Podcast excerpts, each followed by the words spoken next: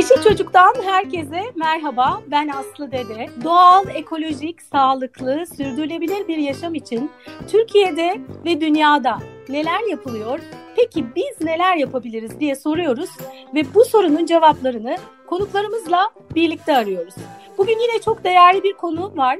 UNDP Türkiye İletişim Bölüm Başkanı Doktor Faik Uyanık'la e, Birleşmiş Milletler'in sürdürülebilir kalkınma amaçları kapsamında yaptığı çalışmalardan ve özellikle çocuklar ile ilgili yapılan çalışmalardan konuşacağız bugün. Hoş geldiniz efendim. Merhaba Aslı hoş bulduk. Ee, şimdi Faik Bey, önce biz e, sizi biraz tanımak istiyoruz. UNDP Türkiye'ye gelene kadar nasıl bir süreçten geçtiniz ve sonrasında da UNDP Türkiye'yi bilmeyenler için, UNDP bilmeyenler için birazcık da kısaca bilgi almak istiyoruz önce. Tabii tabii. 2010 senesinden beri ben UNDP Türkiye'de iletişimden sorumluyum. Onun öncesinde bir 18 yıllık gazeteciliğim var. Ee, daha ziyade televizyonlarda ve radyolarda yani yayın gazeteciliği yapmış biriyim. Sunuculuk yapmış olan biriyim. NTV'de uzun süre çalıştım. 10 sene kadar kuruluş yıllarında çalıştım. Ee, daha sonra BBC Türkçe'de çalıştım ve dediğim gibi 2010 yılından itibaren gazeteciliği bırakıp e, iletişim dünyasının bu tarafına geçmiş oldum. Kurumsal iletişim tarafına geçmiş oldum. Ekonomi okumuş biriyim. İktisat mezunuyum e, ve gazetecilik üzerine yüksek lisans ve doktoram var bir yüksek lisansımda kalkınma ve Avrupa Birliği'nin e, entegrasyonu üzerine oldu. Dolayısıyla e, iletişim ve gazeteciliği e, buluşturan bir e, arka planımız var diyebilirim. E, bu e, aldığınız özel eğitim de herhalde sizi UNDP'ye bağladı bir şekilde. Doğru ister istemez. Yani İktisat Fakültesinde okuduğum yıllarda da ben aslında gazetecilik yapmaktaydım ama e, zaten hayatın e, akışı ve gerçekleriyle o okuduğunuz bölümü birleştirdiğinizde benim açımdan en azından en fazla ilgimi çeken e, konu başlıkları kalkınma, kalkınma iktisadı, demografi gibi konu başlıkları oluyordu. E, doğal olarak yani gazetecilik sırasında da en fazla ilgilendiğim konu başlıkları bunlar olmaya devam etti. Yine böyle kalkınma, sürdürülebilirlik. Gerçi o zamanlar sürdürülebilirlik demiyorduk ama çevre konuları vesaire bunlar çok fazla ilgimi çekmişti e, doğal olarak da akış e, bir şekilde sizi o ilgi alanlarınızın buluştuğu noktaya doğru e, sürüklüyor. Şu anda yaptığım iş tam olarak bu. Yani hem sürdürülebilir kalkınma, sürdürülebilirlik konusu hem de bunun iletişimi bu kadar karmaşık bir mevzunun doğru anlatılabilmesi üzerine odaklanan e, bir kariyerin içindeyim şu anda. E, çok e, çok güzel bir şey yapıyorsunuz. Sürdürülebilirliği söylemesi zor.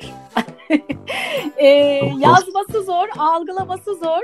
E, Zaten de... Türkçe sözlükte geçmiyor Aslı Bilmiyorum e, fark ettiniz mi? Türk Dil Kurumu'nun sözlüğünde sürdürülebilir, sürdürülebilirlik vesaire gibi kavramlar 2021 yılındayız hala geçmiyor. Yani Türkçe'ye girmiş, günlük hayatımızda kullanıyoruz.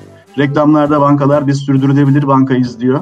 Ama gelin görün ki daha Türkçe sözlüğe girebilmiş olan bir kavram değil. Ben bunu bilmiyordum Faik Bey şu anda öğrendim.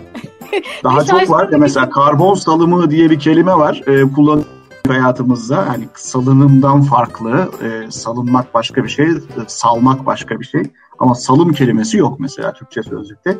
Daha jargonumuz, kelimelerimiz bile sözlüğe girmiş değil anlattığımız konuya dair.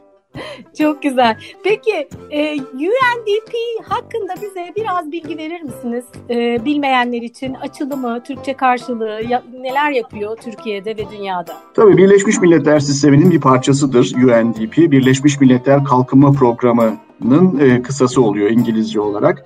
İkinci Dünya Savaşı sonrasında Birleşmiş Milletler Sistemi kurulduğunda geçmişten alınan dersler doğrultusunda işte bizim e, müreffeh bir gelecek için, barış içinde bir gelecek için neler yapmamız gerekir diye oturan dünya liderleri e, şunu buldular. Bir kere barış içinde yaşamanın temel şartlarından biri e, refah içinde yaşayabilmek, kalkınmayı sürdürülebilir kılmak. Gerçi dediğim gibi sürdürülebilirlik kelimesi küreselde de Türkçe'de de yeni sayılabilecek bir kavram. Ama kalkınmanın e, uzun vadeli bir mutluluğun, insanlığın refahının tema, temellerinden biri olduğunu fark etti insanlık. Dolayısıyla Birleşmiş Milletler Kalkınma Programı kuruldu. 1950'lerden itibaren faaliyete geçmiş olan bir kurumdur. Türkiye'de de ta o yıllardan beri bulunuyor. Ufak bir ofiste o yıllarda tabii.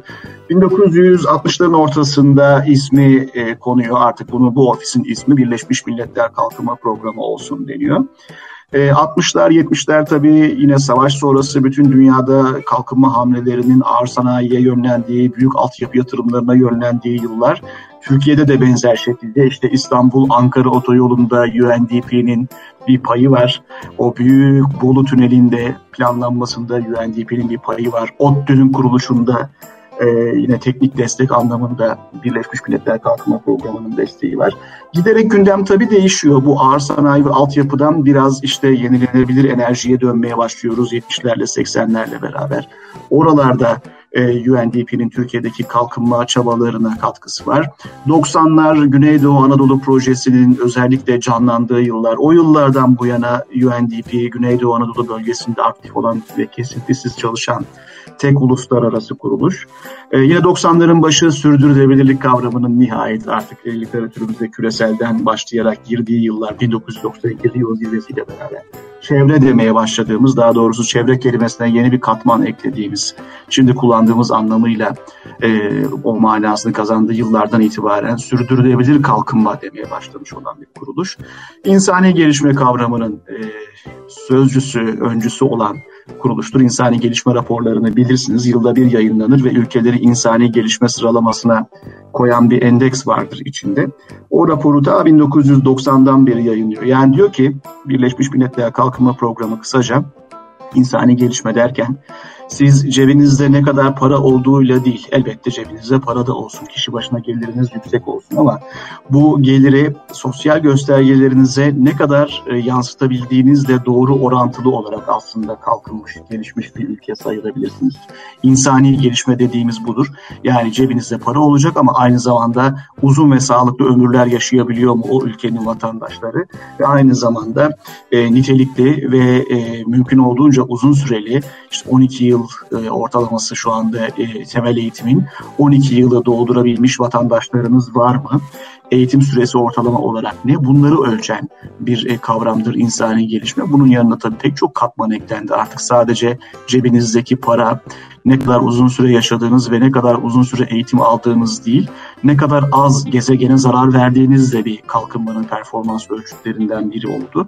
2020 yılına geldiğimizde de 2020-21'e geldiğimizde de yine kontekst e, benzer insani, kapsayıcı, sürdürülebilir bir kalkınmayı elde edebiliyor musunuz, edemiyor musunuz? Bununla ilgili olarak çalışıyor UNDP ama bir yandan da risklerle ne kadar iyi mücadele ediyorsunuz? İşte göç riskiyle, afet riskiyle, iklime dayalı olan afetler, iklime dayalı olmayan afetler, deprem gibi bunlara ne kadar hazırlıklısınız? bir anda ortaya çıkabilen salgınlara karşı toplumunuz ne kadar hazırlıklı?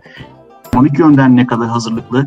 Hem eğitim sisteminiz, teknolojik olarak buna ne kadar hazırlıklı?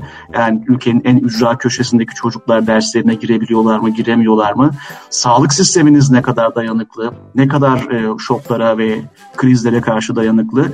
E, bu konuyu hatırlatması bakımından yani Birleşmiş Milletler Kalkınma Programı'nın üzerinde çalıştığı konuların tümünü birden hatırlatması bakımından da enteresan, tuhaf bir dönemin içindeyiz. Neyse ki biraz e, tünelin ucu göründü pandemi konusunda e, ama yine de dünya çok büyük bir sınavla karşı karşıya. En büyük sınav da iklim değişikliği. Yani pandeminin bize hatırlatması gereken o daha büyük dalgaya, daha büyük tsunami'ye karşı ne kadar hazırlıklıyız?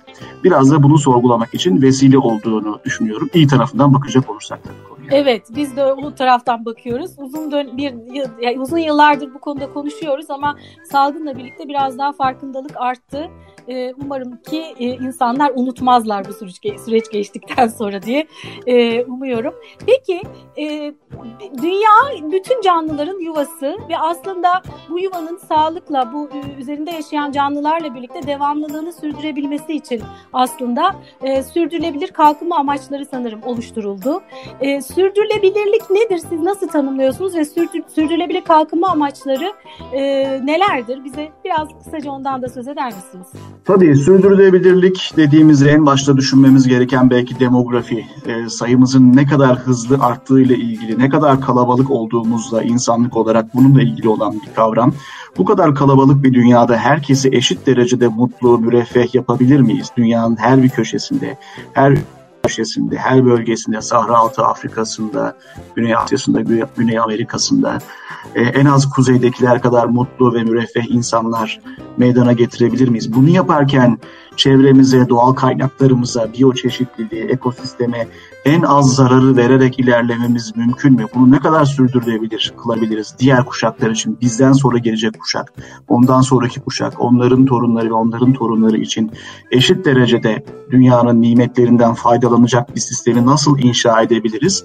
Buna odaklanan bir kavramdır, sürdürülebilir kalkınma kavramı. Daha evvelden dediğim gibi ben iktisat okuduğumda 1990 yılının başında bile e, kalkınma dediğimiz zaman ekonomik kalkınma akla gelmekteydi. Kimse dünyanın kaynakları nerede bitecek ve ondan sonra ne olacak diye sorgulamıyordu o yıllarda da. Yani 80'ler, 90'lar liberal politikaların rüzgarlarının estiği yıllardı. E, bu biraz 90'ların başıyla birlikte Rio zirvesiyle beraber değişti. Yani gelecek kuşaklara Çevresel etkisi az malzemelerle üretilmiş, eko tasarımlı, geri dönüştürülebilir Tefal Renew serisiyle hem doğaya hem de mutfağına özen göster. Biz bu zenginliği aktarabilecek miyiz? Eşitlikçi bir şekilde aktarabilecek miyiz? En az bizim kadar onlar da yararlanabilecekler mi? Ve aynı zamanda mevcut eşitsizliklerimizi dünyanın her tarafında insanların eşit ölçüde bu dünyanın nimetlerinden, güzelliklerinden yararlanmasını sağlayabilir miyiz? Bu kavramı bir şekilde gündeme getirmiş oldu Rio zirvesi ve çevre kelimesine yeni bir katman ekledi. Çevre dediğimizde doğanın, doğal kaynakların kendisini, eko, e, ekosistem bozulmasını, biyolojik çeşitliliği, e, iklim konusunu ilk defa gündeme getirmiş olduk ve dedik ki kalkınma sadece tek başına yeterli değil. Bunu eşitlikçi bir şekilde yapmalıyız. Dünyanın her yerinde insanlar bu paranın getirdiği nimetleri eşit ölçüde kavuşabilmeli. Bir, kapsayıcılık yani boyutu eklendi. İki, e, sürdürülebilirlik boyutu eklendi. Yani bu e, dünyayı mahvetmeden diğer kuşaklara bunu aktarabilecek şekilde bir kalkınma inşa edebilir miyiz? 92'den ee, sonra 2000 yılına kadar bu müzakereler devam etti. 2000 yılında 15 yıllık bir küresel kalkınma gündemi inşa etti insanlık Birleşmiş Milletler'in öncülüğünde. Milenyum ya da bin yıl kalkınma hedefleri adını verdiğimiz 8 maddeden oluşan bir e, küresel kalkınma gündemi idi bu. 2015 yılının sonuna geldiğimizde bunun ne kadar başarılı olduğu anlaşıldı. Dünyanın özellikle en az gelişmiş ülkelerinde ciddi bir kalkınma rekabeti e, yaşandı e, insanların en geride kalmış insanların da e, temiz suya, eğitime, sağlığa, temel hizmetlere erişiminin artması bakımından ciddi bir yarış yaşandı 15 yıl içinde. Belki orta ve üst gelir düzeyindeki ülkeler bunun çok fazla farkına varmadılar ama böyle bir gündeme sahip olmanın ne kadar önemli olduğunu insanlık anlamış oldu. E, 2012 yılına geldiğimizde 92'nin 20. yıl dönümüydü. Rio'nun 20. yıl dönümü ve insanlık dedi ki madem bu kadar güzel bir gündem inşa ettik bunun devamını da yapalım. Yani post 2015, 2015 sonrasında ne olacak? O gündemde şu anda içinde bulunduğumuz gündemi inşa etti. Bin yıl kalkınma hedeflerinden sonra sürdürülebilir kalkınma amaçlarının e, olarak çevirdiğimiz Türkçe'ye o gündemi inşa ettik. 2030 gündemi de diyoruz kısaca. Küresel amaçlar da diyoruz kısaca. E, bu sefer 8 madde değil 17 madde var içinde. Her şey 3 aşağı 5 yukarı aynı. Yine en başa yoksulluğu ve açlığı koyan, en sonda ise bütün bu amaçların yerine getirilmesi için e, ortaklığın önemini vurgulayan bir gündem. Ama e, 8 maddeden farklı olarak artık daha kapsayıcı dünyanın en gelişmiş ülkelerini de kapsayan daha fazla kapsayan bir kalkınma gündemi. Örneğin içinde işte eşitsizliklerin giderilmesi var ki eşitsizlik sadece en yoksul ülkelerin değil en zengin ülkelerin de derdi e, bütün dünyada. Eşitsizlik konusu öyle. 16 numaralı madde örneğin barış, adalet ve sürdürülebilir kurumlar şu anlama geliyor. Sürdürülebilir kurumlarınız e, olmadığı müddetçe, güçlü kurumlarınız olmadığı müddetçe düzeltiyorum. E, özgürce insanlar e, ifade edemedikleri müddetçe, sistemde yanlış giden şeyleri elini kaldırıp kral çıplak diyemediği müddetçe siz kalkınamazsınız.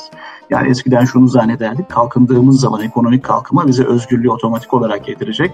Oysa ki hayır, özgürlük olmadan insanlar sistemlerini kendileri eleştiremedikleri müddetçe onu geliştirmeleri de mümkün değil. Yani sivil toplumla, derneklerle, özgür basınla ve diğer yollarla e, insanların her birinin sisteme katılımının teşvik edilmesi lazım. 16 numara bu açıdan önemli. Onun dışında sorumlu üretim ve tüketim girdi. İklim eylemi dediğimiz madde işte altında karasal yaşamı, sudaki yaşamı vesaire beraberinde getiren farklı maddelere bölündü. Çok kapsamlı bir gündemimiz var şimdi. Birden 17'ye kadar uzanan e, ve bence dünyadaki herkesin en azından bu 17 maddeye göz atması gereken bir gündemle beraberiz şimdi. İlk 5 yılı geride kaldı. Son 9,5 yılın içindeyiz.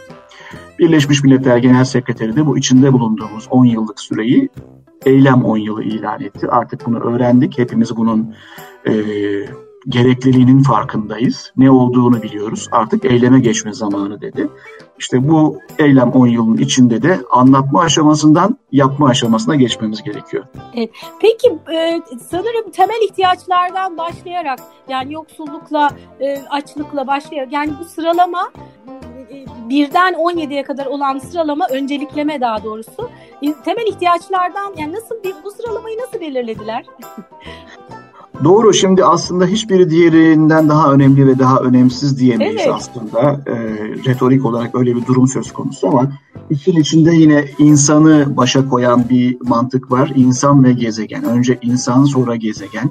Aslında bu eleştirilebilecek bir durumda. Yani gezegen olmadan insan, insan var olmaz. En başa aslında gezegeni koymamız gerekmez mi? Ekosistemin o sürekliliğini koymamız gerekmez mi? O sorgulanması gereken bir kavram olmakla beraber e, temel olarak bu klasik iktisattaki yaklaşım burada da sürüyor. İnsanın öncelikle temel ihtiyaçları karşılaması gerekiyor. Yoksulluk e, problemini dünyanın her yerinde ortadan kaldırmamız gerekiyor. Açlık sorununu tamamen e, silmemiz gerekiyor ki bu yoksulluğu ortadan kaldırmaya göre aslında çok daha kolay olan bir şey. Yoksullukta bir eşitsizliği normal görmeye, başka insanların yoksul olmasını hayatın bir gerçeği olarak kabullenme gibi e, bilinçaltımıza, felsefelerimize yönelik bir e, defomuzla ilgili bir e, problem söz konusuyken açlıkta aslında kaynaklar bir araya getirildiğinde aslında dünyanın mevcut kaynakları, mevcut zenginliği bunu neredeyse bir gecede ortadan kaldırmaya yeter e, siyasi kararlılıkla ve dünyanın her yerinde yapılacak bir seferberlikle bu ortadan kaldırılabilir.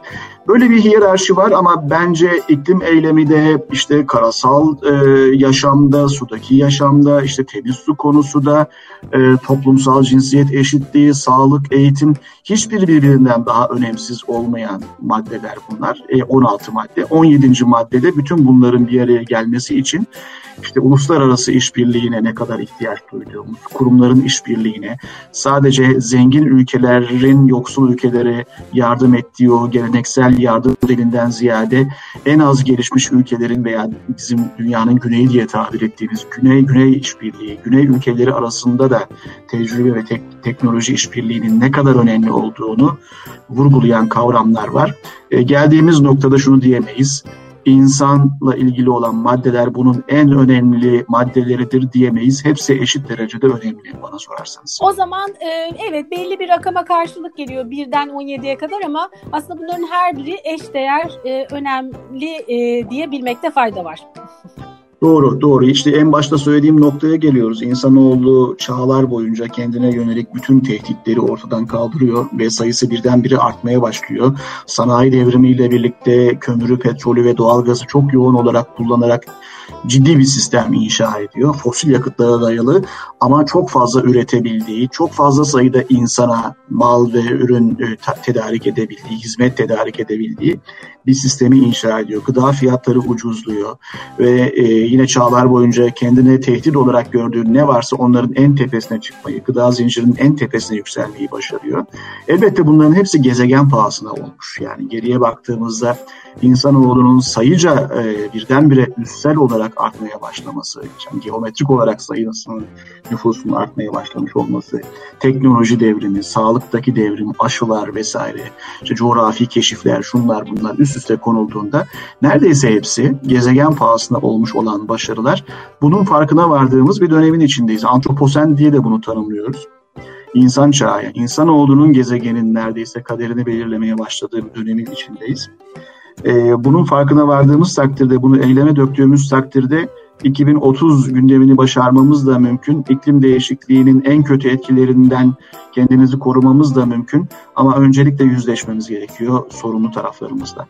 Peki e, Faik Bey, e, şimdi 2030 hedefinin neden 2030 diye belirlendiğine e, yine bir değinerek buradan çocuklarımıza geçelim istiyorum. Çünkü biz bütün bunları aslında belki de çocuklarımız için yani bizim için biz zaten şu anda yaşıyoruz ama gele, gelecek için aslında en çok da sürdürülebilir kalkınma amaçları konusunda yapılan eylemler en çok da çocuklarımız için önemli. 2030 hedefinden, 2030'un neden konulduğundan söz ederek buradan çocuklarla ilgili neler yapılıyor dünyada ve Türkiye'de sürdürülebilir kalkınma amaçlarını çocukların da kavrayabilmesi için? Tabii e, çocuklarımıza maalesef güzel bir dünya bırakamıyoruz e, biz ve bizden önceki kuşaklar e, birbirimizin yaptığı e, tüm olumsuz etkilerin üzerine biraz da biz ekleyerek bugüne kadar geldik. Hala günümüzdeki üretim ve tüketim alışkanlıkları ideal olmaktan çok uzak. Sürekli çöp ve atık üretiyoruz. Sürekli kömür, petrol ve gaza dayalı e, bir sistemin içindeyiz ve sürekli olarak karbondioksit salmaya devam ediyoruz. Bunu azaltmaya yönelik çabalarımız çok yetersiz. E, neden 2030 dediğimizde de o teknik bir e, taraf. Yani 2000 yılında ilk 15 yıllık kalkınma gündemi inşa edildi. Bunun başarılı olduğu görüldü. Bir 15 yıllık daha kalkınma gündemi inşa edildi. E, işin içinde pek çok neden var tabii. 15 yıl e, bir şekilde kalkınmada çünkü bugün yaptığınız bir müdahalenin, bir e, politika e, çabasının sonucunu hemen yarın görmezsiniz. Yani işte ülkenin zenginleşmesi bugün yar, bugünden yarın bir şey değil. Eğitimle ilgili olarak sonuçları hemen bugünden yarına göremezsiniz. Sağlık sisteminizi iyileştirdiğinizde insanlarınızın yaşam süresi hemen bir, bir sene sonra artmaz. Dolayısıyla böyle 10 yıl, 15 yıllık dönemlerle incelemeniz lazım. Yani sağlıkta ben şunu yaptım, sağlık sisteminde böyle bir iyileştirme yaptım. 10 sene sonra ülkemdeki insanların ortalama yaşam süresi bakın bu kadar arttı diyebilmenizi sağlayan dönemler. Dolayısıyla 15'er yıllık olmasında böyle bir arka plan var. Bu da 2030 yılına denk geldi. Ee, işte 21. yüzyılın ilk 30 senesinde neler başarabiliyoruz? Simgesel tarafları da var. Ee, 2050'de Paris ile ilgili olarak e, bir karbon nötr bir inşa, dünya inşa etme hayali, karbon nötr bir e, Avrupa inşa etme hayali olan e, Green Deal, Yeşil Mutabakat simgesel tarihler bunlar. E, bir an evvel ne kadar erken tabii yerine getirebilirsek o kadar başarılıyız.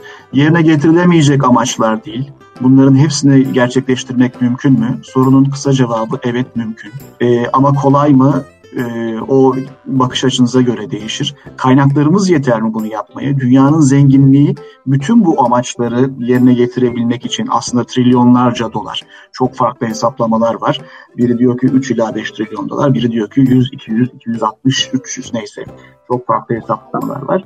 Ama dünyanın mevcut zenginliği el ele verdiği takdirde, siyasi irade olduğu takdirde, bireylerin desteği olduğu takdirde, o ülkeleri oluşturan bireylerin desteği olduğu takdirde mümkün olduğunu gösteriyor. Umarız, umarım çocuklarımız açısından en azından onların geleceklerini de koruyabilmek, garanti altına alabilmek açısından ondan sonraki kuşakların da e, bu dünyanın zenginliklerinden, güzelliğinden yararlanmasını sağlamak için bugünden adımlar atmaya başlayabiliriz. Güzel işaretler var ama yeterli mi? Hayır. Peki e, biz aslında en son e, sizinle konuşmak istememizin ilk bizi e, etkileyen sebeplerinden biri de e, çok güzel bir internet sitesi hazırlandı çocuklarla ilgili. E, bu e, sitede küresel amaçların çocuk versiyonu e, hem eğitmenlere hem ebeveynlere yol gösterici Türkiye'den ve dünyadan örnekler var sitede. Biraz da ondan söz edebilir miyiz? Tabii çok gurur duyduğumuz bir iş. Sondan başlayacak olursak bu çocuklarla ilgili olarak e, pek çok güzel kaynak var e, dünyada. Bunların bir kısmını e, biz Türkçeleştirdik. Küresel amaçları çocuklarımıza nasıl anlatırız diye. Farklı yaş gruplarında tabii okul öncesi, işte ilkokul çağında ve gençlere yönelik malzemeler var. Bunların büyükçe bir kısmı daha hala Türkçeleşmedi ama işte e, İngilizce, temel İngilizce bilgisi olan özellikle ilk öğretim çağında orta öğretimdeki genç gençler için onlar da faydalı olabilir. Bütün bunları e, buluşturduğumuz bir web sayfası açtık. Çocuk.küreselamaçlar.org üzerinden ulaşılabiliyor.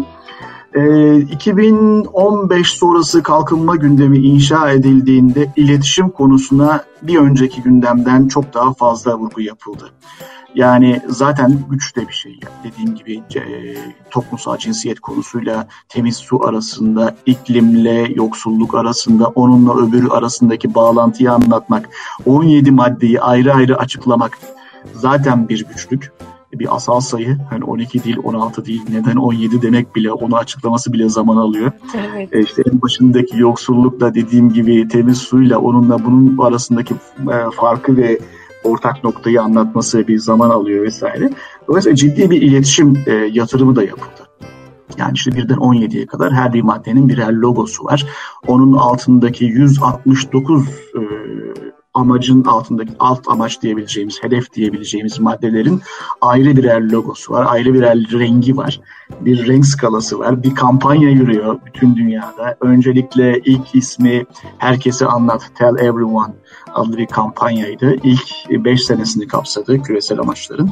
Şimdi ise artık e, eyleme geç, eyleme geçme zamanı olduğu için yani 10 yıl dedik ya eylem 10 yılı dedik. Onunla ilgili bir kampanyanın içindeyiz. Ciddi bir şekilde iletişimine de biz zaman ve e, fikir emeği harcıyoruz. Çocuklar konusu da burada kritik. Yani bize pek çok e, eğitim kurumu ulaşıyor dünyanın dört bir yanında. Bunu nasıl biz gelecek kuşaklara da anlatabiliriz? Onların daha bilinçli yetişmeleri için bu konuda bizden daha bilinçli yetişmeleri için neler yapabiliriz diye.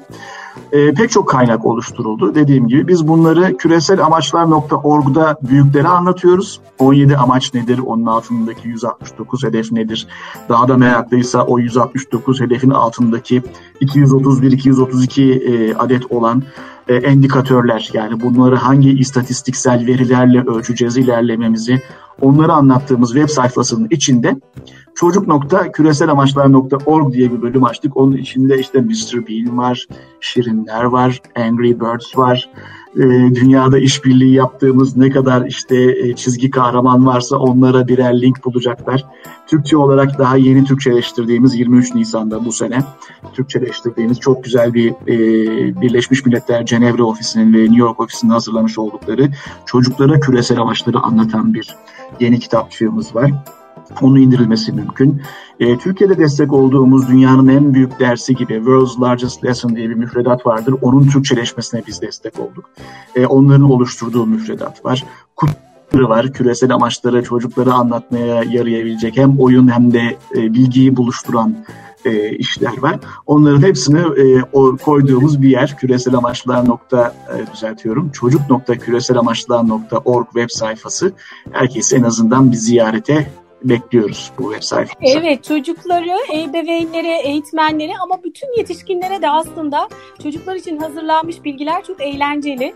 Ee, böyle hızlıca e, eğer bilmiyorsanız ve bir fikir sahibi olmak istiyorsanız e, çok güzel, çok eğlenceli bir şekilde hızlıca da bir özet bilgi alabilirsiniz. Büyükler için de çok keyifli bilgiler. E, çok çok güzel hazırlanmış. E, şimdi ben bir de son olarak size şunu sormak istiyorum. E, Birleşmiş Milletler hem devletleri, yerel yönetimleri, e, şirketleri, bireyleri tabii hepimizin aslında e, üzerimize e, düşen görevler var bu 17 amaç için.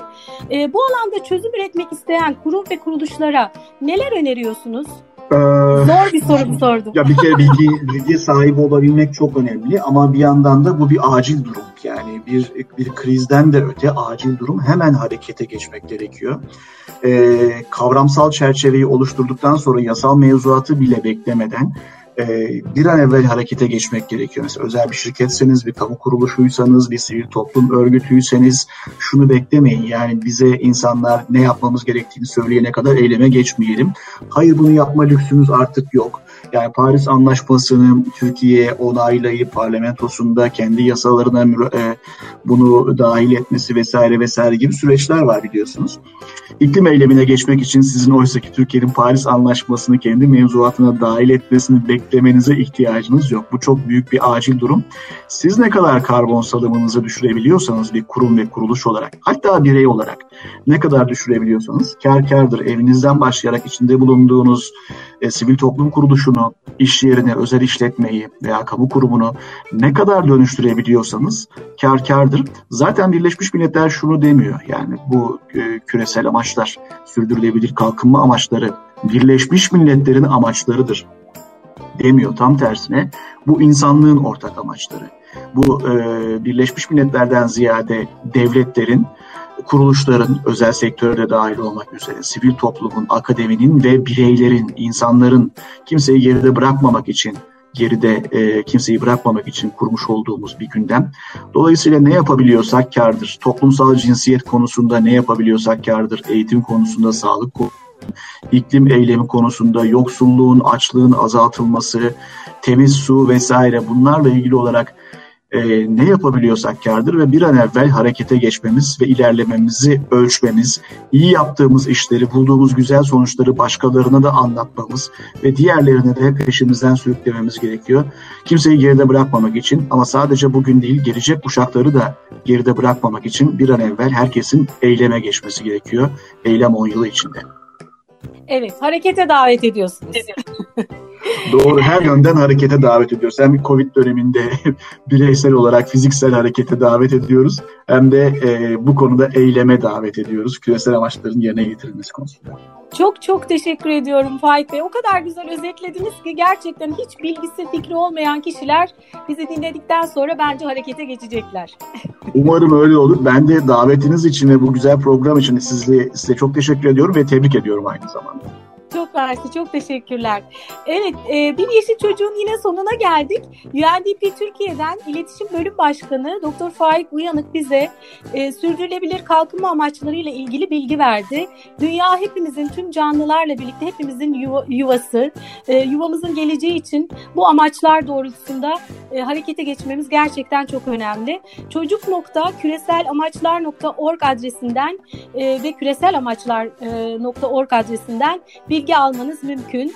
Bize nasıl ulaşabilirsiniz? yeşilçocuk.com yazarak ya da sosyal medyadan Yeşil Çocuk yazarak bize ulaşmanız mümkün. Yeşil Çocuk'un tüm podcast bölümlerine de karnaval.com üzerinden ulaşabilirsiniz. Ben Aslı Dede. Bir sonraki Yeşil Çocuk'ta yeniden buluşmak üzere. Yeşil kalın.